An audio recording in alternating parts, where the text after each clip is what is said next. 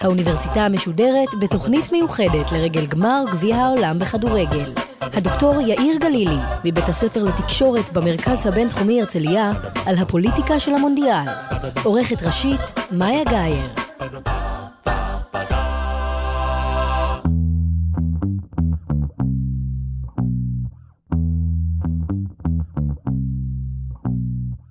שלום לכם, שמי יאיר גלילי ואני סוציולוג ספורט. כיום אני משמש כראש המרכז לחקר תקשורת, ספורט וחברה בבית הספר על שם סמי עופר במרכז הבינתחומי בהרצליה.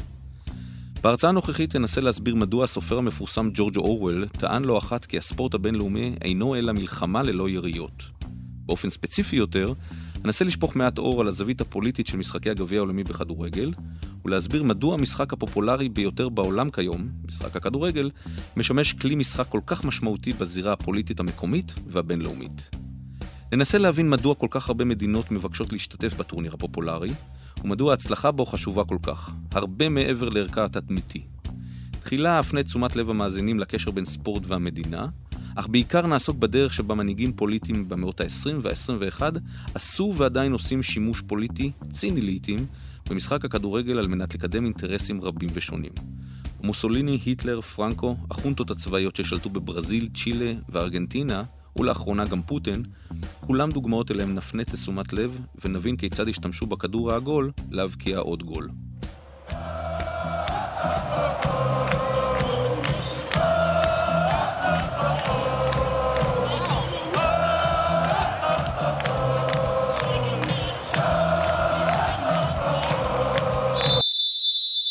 לפני הכל בואו נדבר על ספורט באופן כללי. הספורט בעידן המודרני אינו רק בידור להמונים, הוא גם דת שיש לה מאות מיליוני מאמינים ברחבי העולם. הוא כר נרחב לפעילות פוליטית ברמה הבינלאומית והלאומית, והוא גם תעשיית ענק כלכלית חובקת ארצות ועמים, המגלגלת סכומי עתק מדי שנה. המעורבות הפוליטית בספורט, שיסודותיה ביוון העתיקה לפני אלפי שנים, משקפת את ניסיונותיהם של גורמים רבים לנצל את המשיכה לספורט ואת הכוח הטמון בו להעברת מסרים וערכים, לגיבוש נורמות חברתיות ואף ככלי לטיפוח יחסים דיפלומטיים, או לחלופין כלי ענישה בתחום המדיני. תהליכי ההתמקצעות וההפרטה הפכו את הספורט ממשחק לסחורה, וכמו כל סחורה אחרת, גם תעשיית הספורט מתנהלת במסגרות ממוסדות ומחייבות. Dear delegates, welcome to Moscow and to the 68 FIFA Congress. במשחקי הגביע העולמי צופים מדי ארבע שנים מיליארדים בכל העולם דרך מסכים של טלוויזיה, מחשבים וכיום אף טלפונים. ומאות אלפים במגרשים עצמם. נהוג לסווג את הכדורגל כפריט של תרבות שנולד בחיק הבורגנות, אך עבר לידי העם. בעיקר לידי המעמדות הנמוכים במסגרת התגבשות תרבות הפנאי. סיווגו של הכדורגל תחת ההגדרה של תרבות עממית נוצר בגלל הקהל שלו, המתח שהוא מספק כמשחק תחרותי, ובעיקר בשל היותו אחד המשחקים הפופולריים, אם לא הפופולרי ביותר בעולם. בעקבות ההצלחות של משחק הכדורגל במשחקים האולימפיים של 1924 ו-1928, החליטה פיפ"א, הגוף המארגן את תחרויות הכדורגל ברחבי העולם, בראשותו של הנשיא ז'יל רימה, לנסות לארגן טורניר כדורגל עצמאי בינלאומי מחוץ למשחקים האולימפיים. ב-28 במאי נערך קונגרס פיפ"א באמסטרדם, ובו התקבלה החלטה רשמית לארגן טורניר אליפות עולם בחסות פיפ"א. בתקופה זו הייתה אורוגוואי אלופה אולימפית פעמיים ברציפות, ועל מנת לחגוג את יובל המאה לכתיבת הגרסה הראשונה של חוקת אורוגוואי, ב-1930, הוחלט לתת לה לארח את טורניר הגביע העולמי, המונדיאל, הראשון אי פעם שנקרא גביע ז'יל רימה. ב-20 משחקי הגביע העולמי שנערכו מ-1930 ועד היום, כיום ב-2018, זכו רק שמונה נבחרות, כולן מאירופה ומדרום אמריקה בלבד. נבחרת ברזיל זכתה במונדיאל חמש פעמים, והיא גם הנבחרת היחידה שהשתתפה בכל המונדיאלים. נבחרת איטליה ונבחרת גרמניה זכו בארבעה מונדיאלים כל אחת.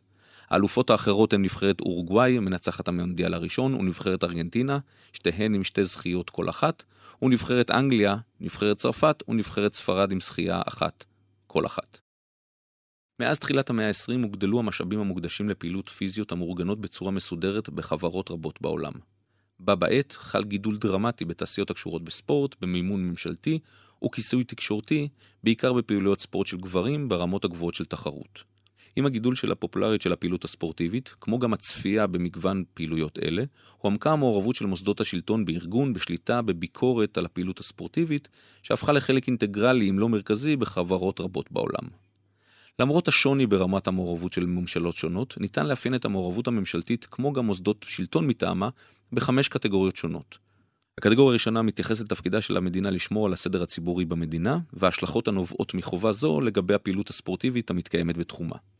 הקטגוריה השנייה מתייחסת לצורך של ממשלות רבות לפתח, לעודד ולשמר פעילות גופנית בריאה בקרב אזרחי מדינתה. בקטגוריה השלישית נמצא למצוא רצון של ממשלה להעלות את יוקרתה של הקהילה או המדינה בתוך מסגרת רחבה יותר של יחסים פוליטיים, ובאותה עת להגדיל את רגש השייכות, האחדות, ההזדהות הלאומית בקרב אזרחי המדינה. בקטגוריה הרביעית ניתן למצוא רצון מצד הממשלה להדגיש ערכים ונטיות אשר עולות בקנה אחד עם האידיאולוגיה הפוליטית השלטת בקהילה או בחברה, ובמקביל ניתן למצוא רצון של מנהיגים פוליטיים לנצל את הפלטפורמה הספורטיבית על מנת לקדל את הקריירה האישית או רעיונות אותם המקדמים. הקטגוריה האחרונה קשורה לרצונן של ממשלות וקהילות מודרניות להגדיל את שגשוגן הכלכלי ובה בעת התדמיתי באמצעות הספורט. משטרו של בניטו מוסוליני בשנות ה-30 של המאה ה-20 היה הראשון שזיהה את כוחו של משחק הכדורגל בעת המודרני והשפעתו על ההמונים. המשטר הפשיסטי השקיע רבות בענף הספורט שמקורותיו בריטים והפך אותו לאיטלקי על ידי מחיקת הזהויות האנגליות של הקבוצות. כך לדוגמה שונו שמות וסמלים ויצירת ביטויים איטלקיים חדשים בכדורגל. הפשיסטים השקיעו ממון רב בבניית אצטדיונים, לצד שכלול המומחיות הטכנית במשחק. כספים ציבוריים רבים הושקעו באימון ובשחקנים, בהקמת מועדונים ולעיתים גם במתן סיוע אסור למועדונים שהיו נאמנים למשטר. בשנים הללו נהפך הכדורגל לספורט הפופולרי ביותר באיטליה, הרבה יותר מאופניים למשל. האיטלקים ארגנו את מונדיאל 1934 ועשו כל אשר לאל ידם, תרתי משמע, כדי לזכות בגביע העולמי.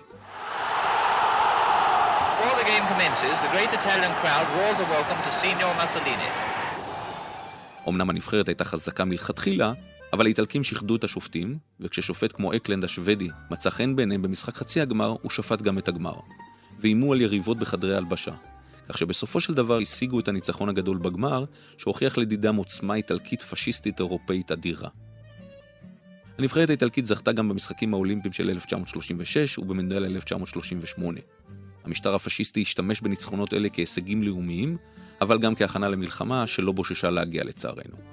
את הנבחרת אימן ויקטוריו פוצו, קצין במלחמת העולם הראשונה ופשיסט נלהב. הכדורגל הוא מלחמה ואנחנו בשוחות, הוא אמר. הוא השתמש בעגה הפשיסטית וקידם את האג'נדה שהמשטר של מוסלוני כה אהב. זה אנחנו כנגד העולם. ב-1938, כשהמונדיאל שוחק בצרפת, השתדלו האיטלקים להמשיך את ההצלחה, וייבאו, במרכאות, שבעה שחקנים מהקולוניה הארגנטינאית שיסייעו להצלחת הנבחרת. ההמנון הפך באופן סימבולי למדי מוקד למחלוקת גם כן.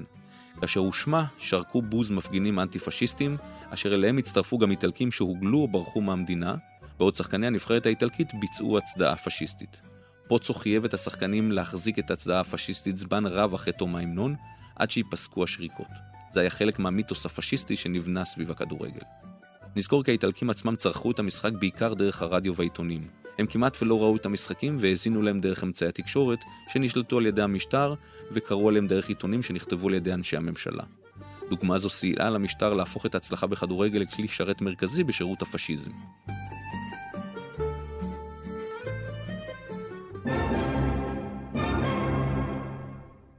לאחר עליית הנאצים לשלטון בגרמניה בשלהי חודש ינואר 1933, היה תפקידו של הספורט לאמן את חיילי העתיד של הצבא. מעבר לממד הכושר הגופני, היה כאן גם ניסיון להרים על חוזה ורסאי שאסר על גרמניה להקים צבא גדול. למרות כל הניסיונות לשוות לספורט סוג של אימון צבאי, הרי שהשלטון הגרמני לא צלח בכוונתו כאשר אנו בודקים את משחק הכדורגל. ההמונים סירבו לראות בו סוג של אימון צבאי, ולכן ניסו הנאצים לרתום את המשחק למכונת התעמולה המשומנת שלהם, וניסו בכל עת להכפיף את המשחק הפופולרי לטובת הרייך השלישי. הישג תעמולתי אדיר נרשם ב-14 במאי 1938, עת שיחקה נבחרת אנגליה כנגד נבחרת גרמניה. המשחק נערך באצטדיון האולימפי בברלין, והוא זכור במיוחד נוכח הצדעת הבריטים במועל יד קודם תחילת התחרות. All the courtesies are observed before the start. God save the king is played. And the English team in white shirts give the Nazi salute during the German national anthem. זה היה אחד מרגעי השפל הגדולים של הכדורגל הבריטי, בעיקר לאחר שהעולם כבר עמד על קנקנה של גרמניה ושליטיה. כאשר מעיינים בעיתונות התקופה ניתן לראות כי הגרמנים דרשו מכל קבוצת כדורגל שמשחקת מולם, שתצדיע במועל יד בזמן ניגון ההמנון הגרמני, גרמניה מעל הכל. הנבחרת האנגלית הייתה יכולה להחליט שהיא לא מקבלת את הדרישה הגרמנית, אולם היא בחרה שלא להחליט, ובסופו של דבר הצדיעה במועל יד. גם כאשר ענני המלחמה בין גרמניה לבריטניה החלו להיראות באופק. ההצדעה האנגלית הפכה לסמל למדיניות הפייסנית של ראש ממשלת בריטניה דאז, נביל צ'מברליין, שחתם על הסכם מינכן עם היטלר. התמונה של הנבחרת האנגלית מצדיעה במועל יד פורסמה בכל העולם ביום שלאחר המשחק, והדבר נוצל היטב בידי התעמולה הגרמנית. אגב, מה שהגרמנים היטיבו להצניע היא העובדה שנבחרת אנגליה הביסה את הנבחרת הגרמנית בתוצאה 6-3. משחקי כדורגל התקיימו בגרמניה כרגיל במשך תקופות מלחמת העולם השנייה, מטעמי תעמולה בלבד. ביום שבו כוחות אמריקאים ובריטים נחתו בנורמנדי למשל, אף נערך גמר אליפות המדינה בברלין לעיני כמאה אלף צופים. במקביל, בערים האירופאיות שהיו בשליטת הנאצים, ארגן הצבא הגרמני ליגות מקומיות כדי להחזיר את החיים לנורמליות. אפילו במחנה הריכוז דה רייזנשטט התקיימה ליגת הכדורגל, ליגת הרזין, ההתאחדות לכדורגל בצ'כיה אף הכירה בה כחלק מההיסטוריה הרשמית של הכדורגל במדינה. ברם, למרות כל ניסיונות ההשתלטות הללו על משחק הכדורגל, הניסיונות הרבים של המשטר הנאצי הסבו לתעמולה הנאצית ולמשטר נזקים רבים. בעיקר בשל חולשת הנבחרת הגרמנית. כך למשל ב-4 ביוני 1938 נערכו משחקי גביע העולם בכדורגל בצרפת. המשטר הנאצי רצה לנצל את האירוע כדי לחגוג את סיפוח אוסטריה. בשירות הנבחרת הגרמנית שולבו גם מיטב הכדורגלנים האוסטרים, למעט כוכבם מתיאס שינדלר, שנרצח על ידי הנאצים בעקבות סירובו לשחק בשירותיהם, והכותרות של עיתוני גרמניה היללו את הנבחרת המאוחדת באמצעות הסיסמה 60 מיליון גרמנים ישחקו בפריז. ולמד מהרה התברר כי הנבחרת הגרמנית-אוסטרית המשולבת אינה יכולה לנצח אפילו את נבחרתה החלשה של שווייץ, שכפתה עליה תיקו אחת. במשחק הגומלין הובסה הנבחרת הגרמנית בידי שווייץ 4-2 וחזרה בבושת פנים לגרמניה.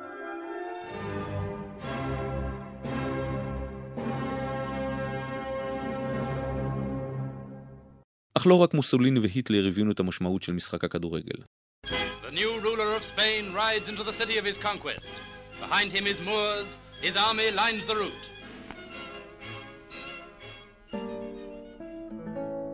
גם איש הצבא והרודן פרנסיסקו פרנקו, אשר השליט בספרד שלטון דיקטטורי פשיסטי מ-1939 ועד מותו ב-1975, טיפח את הספורט בכלל ואת הכדורגל בפרט, ובעיקר את קבוצת ריאל מדריד, להשגת יעדים פוליטיים פנימיים ולשיפור מעמדה של ספרד בזירה הבינלאומית. אך חשוב להבין כי אין לראות בתקופת שלטונו של פרנקו מקשה אחת. אם בשנים הראשונות בלטו המגמות הפשיסטיות והלאומניות, במרוצת הזמן ניסה המשטר להוציא את ספרד מבידודה, בין היתר על ידי הישגים ראשיים במשחק הכדורגל. עם זאת, התמיכה של המשטר בריאל מדריד רק העמיקה את האיבה שרכשו לה אוהדי כדורגל למחוזות הבדלנים כגול קטלוניה וחבל הבסקים, ומאז ועד היום היה אצטדיון הכדורגל של קבוצת הכדורגל של ברצלונה למשל, למקום שנשמעות בו קריאות תיגר על השלטון המרכזי במדריד, ובעד אוטונומיה והיפרדות מבית קסטיליה. ומאירופה נפנה לאמריקה.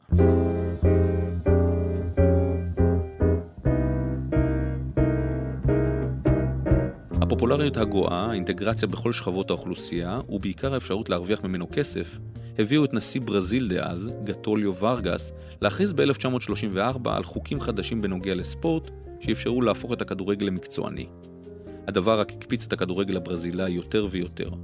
אמנם בגביעי העולם הראשונים ברזיל לא נחלה הצלחה, אבל הקבוצות הברזילאיות היו מעולות, וכבר בשנות ה-30 יצאו שחקנים ברזילאים לאירופה.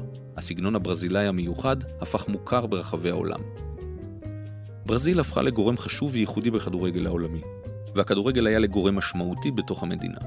השילוב של סגנון, תשוקה, טכניקת הקפוארה, נשמה והדה לקבוצה או לנבחרת הפכו את הענף לאובססיה, למשהו מיוחד. בברזיל הכדורגל, מאז ועד היום, מהווה תרבות ובעצם משקף את החיים. ב-1950 אירעה נקודת מפנה בתולדות הכדורגל הברזילאי. לראשונה אירחה ברזיל את טורניר הגביע העולמי, וציפיות הקהל המקומי הרקיעו שחקים. עד היום, כמעט 70 שנה מאוחר יותר, מכיר כל ברזילאי את המרקנזו. ההפסד לאורוגוואי במשחק המכריע על גביע העולם באיצטדיון המרקנה הגדול בריו. הפסד שמוכר יותר היום כיום האבל הלא רשמי במדינה. ברזיל כבר אז הייתה מעצמת כדורגל, אלא שמאותו לקח מר היא למדה לתרגם זאת גם להצלחה על הפודיום. הזכייה הראשונה במונדיאל הגיעה ב-1958 בשוודיה, והשנייה במונדיאל הבא, 1962, בצ'ילה. במקביל להצלחה למגרש קרו דברים אחרים שחיברו מחדש בין הכדורגל לפוליטיקה הברזילאית.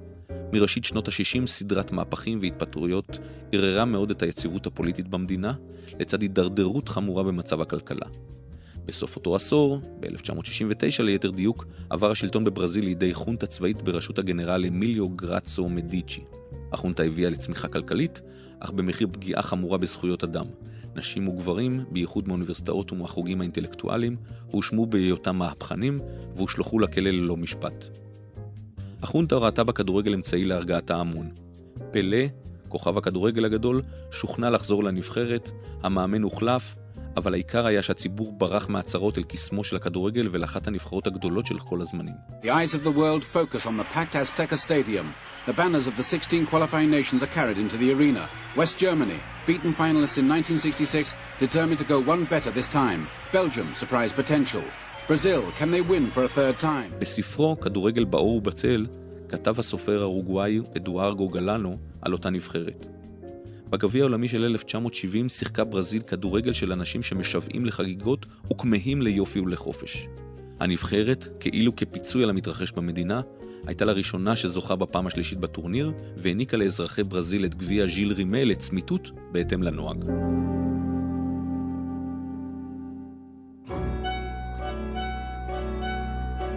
גם המקרה של ארגנטינה, שכנתה הגיאוגרפית של ברזיל ביבשת, והירבתה המרה על כר הדשא, מעניין. המונדיאל שנערך במדינה ב-1978 היה הפוליטי ביותר מאז ומעולם. שנתיים לפני כן, במרץ 1976, התחוללה הפיכה במסגרתה תפס הצבא הארגנטינאי את השלטון, תוך עימותים אלימים עם תומכי הנשיא המנוח חואן פרון והדחת איזבל פרון. החונטה המשיכה במלחמה מלוכלכת, ואף הגבירה אותה כשהעלימה בין 7,000 ל-30,000 איש בתקופת שלטונה. מספר רב של נבחרות דרשו מפיפ"א לקחת את אירוח המונדיאל מידיה של ארגנטינה, שנשלטה על ידי משטר החונטות הטוטליטרי. יוהאן קרויף, למשל, כוכב נבחרת הולנד, החרים את המשחקים. במוקד הסקרנות שהתעוררה בשנים האחרונות, עומד המשחק האחרון בשלב הבתים השני, כך נהוגה הייתה השיטה אז, בין המארחת ארגנטינה לבין פרו. התכולים הלבנים הארגנטינאים עלו להתמודדות יום אחרי שברזיל גברה על פולין בתוצאה 3-1, בידיעה שרק 4-0 ומעלה יספיק כדי לעלות לגמר. זה נגמר 6-0, שמעורר עד היום לא מעט חשדות. ג'נרו לדסמה, סנטור לשעבר בממשל הפרואני של סוף שנות ה-70, סיפר במהלך שנת 2012 כי תוצאת המשחק נקבעה לאחר דיל פוליטי שנרקם בין שליט ארגנטינה, הגנרל חורכה רפאל וידאלה, לבין נשיא פרו דאז פרנסיסקו ברמודס. על פי העדות שמסר לדסמה, וידאלה הסכים לקבל לידיו 13 אסירים פוליטיים אשר התנגדו למשטרו של נשיא פרו, ובתמורה לכך שחקני הכדורגל של פרו יפתחו רגליים במשחק המכריע בדרך לגמר. וידאלה היה זקוק לניצחון של ארגנטינה במונדיאל כדי לנקות את התדמית הרעה שהייתה למדינתו בעולם, סיפר לדסמה. וידאלה הסכים לדיל רק אם פרו תפסיד במשחק לארגנטינה בתוצאה רצויה, מה שאכן קרה וסלל את הדרך לזכייתה של ארגנטינה בגביע העולמי לאחר ניצחון בגמר על הולנד.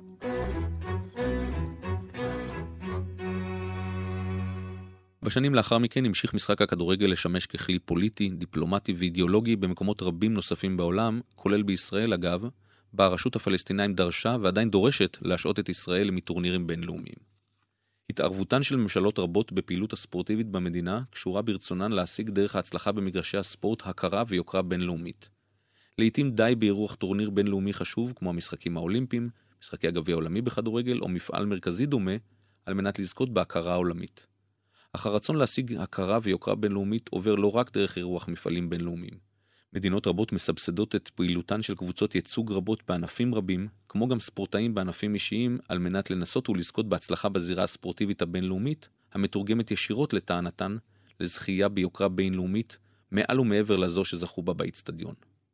כך למשל נהנים אתלטים כמו גם ספורטאים רבים אחרים מסיוע נדיב של ממשלות במדינות מתפתחות באסיה ובאפריקה, המאמינות כי הצלחת ספורטאיהן בזירה הבינלאומית לא רק תעניק גושפנקה רשמית לקיומם, אלא אף תחשוף אותם בפני העולם הרחב כאומה לגיטימית בקהילה הבינלאומית. חשוב לזכור כי קיים צד שני לאותו מטבע. כשמדינות דומיננטיות ובעלות מסורת רבת שנים בענף ספורט מסוים מפסידות בזירה הבינלאומית, יכולות להיות לכך השלכות בזירה המקומית. כך למשל הפסדה של מולדת הכדורגל אנגליה 2-1 לארצות הברית במשחקי הגביע העולמי בשנת 1950 תוארו בתקשורת האנגלית כאסון לאומי, ובאופן דומה תוארו הפסדי הרבים של קבוצות הייצוג של אנגליה בקריקט לקבוצות איי הודו המערבית. גם הפסדי נבחרת ארצות הברית בכדורסל במשחקים האולימפיים ב-1988, ובאליפות העולם בשנת 2002 נתפסו בארצות הברית כלא פחות מטרגדיה. לכן אין זה מפתיע כי שתי האומות שאירחו את המשחקים האולימפיים בשנת 2012 ו-2014, משחקי הקיץ בלונדון ומשחקי החורף ברוסיה ב-2014, ביקשו לארח גם את משחקי הגביע העולמי בכדורגל בשנת 2018. ההתמודדות הייתה צמודה, עם שמועות רבות על יחסים קרובים מדי בין נשיא פיפ"א דאז ספ לטר ונשיא רוסיה ולדימיר פוטין. אך כפי שתיארה זו החוקרת מיקי אהרונסון לאחרונה, כשרוסיה הביסה את בריטניה בשנת 2010 בהתמודדות על אירוח מונדיאל 2018, היה קשה לשער כי לקראת המשחקים היא תימצא בעימות מתמשך מול המערב בכלל, ובריטניה בפרט. בשנת 2010 היה זה עולם אחר. הכלכלה הרוסית צמחה, מזכירת המדינה האמריקאית הילרי קלינטון הציעה בטקס מלא רעב על איתחול היחסים עם רוסיה, ועתידה הבינלאומי נראה אופטימי מתמיד.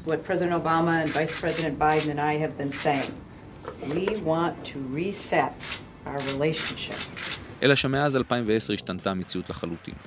רוסיה פלשה לאוקראינה, התערבה צבאית במלחמה בסוריה לצד המשטר של אסד, הואשמה בהתערבות בבחירות ברחבי העולם, גונתה כאחראית לתקיפות סייבר על תשתיות קריטיות, הוקעה על הרעלת המרגל לשעבר בבריטניה, הוחרמה בשל סימום ספורטאים ועוד. בגלל אירועים אלו, רוסיה מתמודדת כיום עם מהלכים בינלאומיים אגרסיביים, הכוללים סנקציות שמשתקות את כלכלתה, ומחאה מערבית חסרת תקדים בהיקפה, עד כדי גירוש דיפלומטים רוסים, בכספם של האוליגרכים מקורבי פוטין, שאינו מתקבל עוד בברכה פומבית לכל הפחות במרכזים פיננסיים מערביים. דוגמה לכך, סמלית משהו, היא ההמתנה של האוליגרך רומן אברמוביץ', מקורבו של הנשיא פוטין, להשארת השהייה שלו בבריטניה, אשר מתעכבת בשל מכשול בירוקרטי עלום, בעודו מחמיץ משחקים של קבוצת הכדורגל הבריטית צ'לסי, שבבעלותו. במציאות כזאת המונדיאל טומן בחובו הבטחה, אך גם סיכון מבחינת הקרמלין. מחד, בכירים ברחבי העולם מתאספים ברוסיה לרגל האירוע היוקרתי, ותורמים בכך לדימויה הבינלאומי. חשיבות המהלך בולטת על רקע האיומים במערב, שהתבררו עד כה כחסרי בסיס, על היעדרות המונית כמחאה להרעלת המרגל בבריטניה. So we will suspend all planned high-level bilateral contacts between the United Kingdom and the Russian Federation. There will be no attendance by ministers or indeed members of the royal family at this summer's World Cup in Russia. כמו כן, כיוון שהנשיא פוטין התקשה לממש את הבטחת הבחירות לשיפור כלכלי תחת הסנקציות המתרבות, העם הרוסי יכול לכל הפחות ליהנות מהאירוע בצפייה על מרקע הטלוויזיה ולהתגאות בסיקור העולמי של רוסיה כמערכת תחרות יוקרתית חובקת עולם. מאידך עדיין מוקדם להבין את משמעות המשחקים, בעיקר כשאנחנו בעיצומם היום, שכן המשחקים עלולים להתגלות כמשוכה שגם לפוטין תתברר כגבוהה מדי. התקשורת הבינלאומית והבריטית בעיקר מוצפות בדיווחים שליליים על רוסיה. בין היתר, ארגון זכויות אדם סורי הכריז כי המונדיאל טבול בדמם של ההרוגים מידי רוסיה בסוריה. ביקורת ארסית נמתחה על מוריניו, מאמנה של קבוצת הכדורגל מנצ'סטר יונייטד, שלכאורה חתם חוזה פרשנות עם סוכנות ידיעות המזוהה עם פוטין, והואשם בלקיחת כספי דמים. כך לדוגמה, אזהרות פורסמו לקהילת הלהט"ב מפני האפשרות שיסבלו מאפליה מרוסיה, וארגון זכויות אדם אירופאי הציע מדריך לעיתונאים לקראת המשחקים על הפרת זכויות אדם ברוסיה. בתגובה הרוסים הצהירו כי הפרסומים השליליים נובעים מקנאת בריטניה ברוסיה על כך שהיא מארחת את המונדיאל.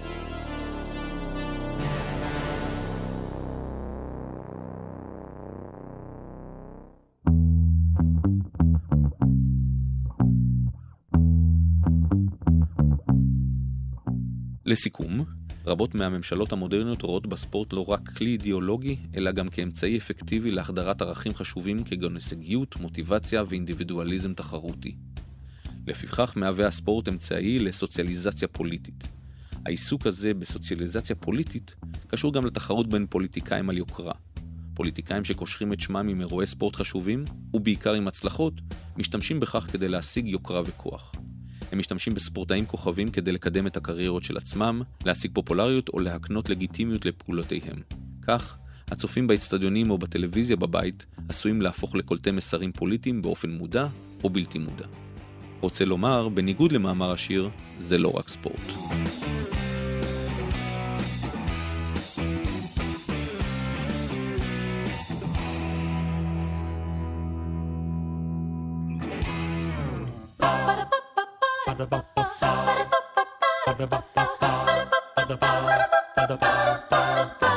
האוניברסיטה המשודרת בתוכנית מיוחדת לרגל גמר גביע העולם בכדורגל.